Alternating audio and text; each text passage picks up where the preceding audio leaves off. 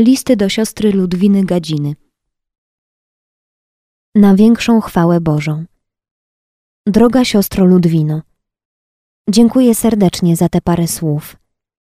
Wielką mi przyjemność siostra zrobiła tym listem. Otóż korzystam z chwili czasu, bo nie idę na pole, bo deszcz pada, a więc pragnę tę chwilę poświęcić na rozmowę z siostrą drogą.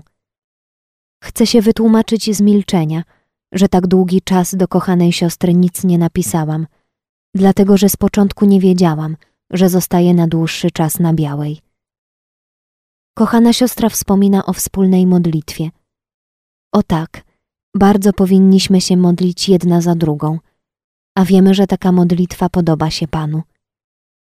Ja modlę się zawsze za wszystkie siostry, ale zawsze szczególnie modlę się za te siostry, które mi Bóg dał pod opiekę w nowicjacie. Czuję to jako obowiązek modlenia się za nimi, a więc i za kochaną siostrę. Wspomina kochana siostra, czy nie tęsknię i czy nie cierpię czasami z braku pomocy duchowej. Na to pytanie odpowiem kochanej siostrze tak szczerze, że żyję z wiary i dlatego jestem szczęśliwa. I zadawalniam się tym, co mi Bóg daje.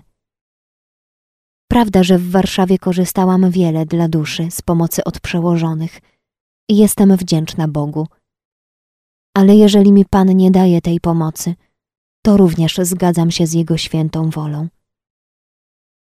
Kochana siostro, Bóg jako dobry ojciec daje duszy, czego potrzebuje. Wszystko. Bóg jest wierny w obietnicach swoich. Więcej daje, aniżeli Go prosimy. Uprzedza nas od dzieciństwa dobroć Jego, abyśmy Mu były wierne łasce Bożej. A co do cierpień, to kochanej siostrze wytłumaczę, jak obecnie rozumiemy cierpienie. Jako przemysłowiec ubiega się za monetą, tak my zakonnice powinniśmy się ubiegać za monetą cierpienia i te dobre nasze codzienne cierpienia łączyć z cierpieniami Jezusa Chrystusa. A z powodu tego złączenia moneta nasza nabiera nieskończonych wartości, tak że możemy za nią kupić dusze nieśmiertelne – dusze biednych grzeszników.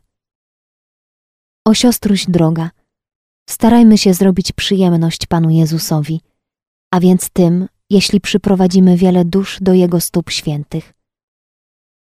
Dobrą rzeczą jest, abyśmy modlitwą swoją obejmowały świat cały, ale obowiązkiem naszym jest gorąco modlić się za nasze wychowanki, za te dusze, które Bóg naszej pieczy powierzył.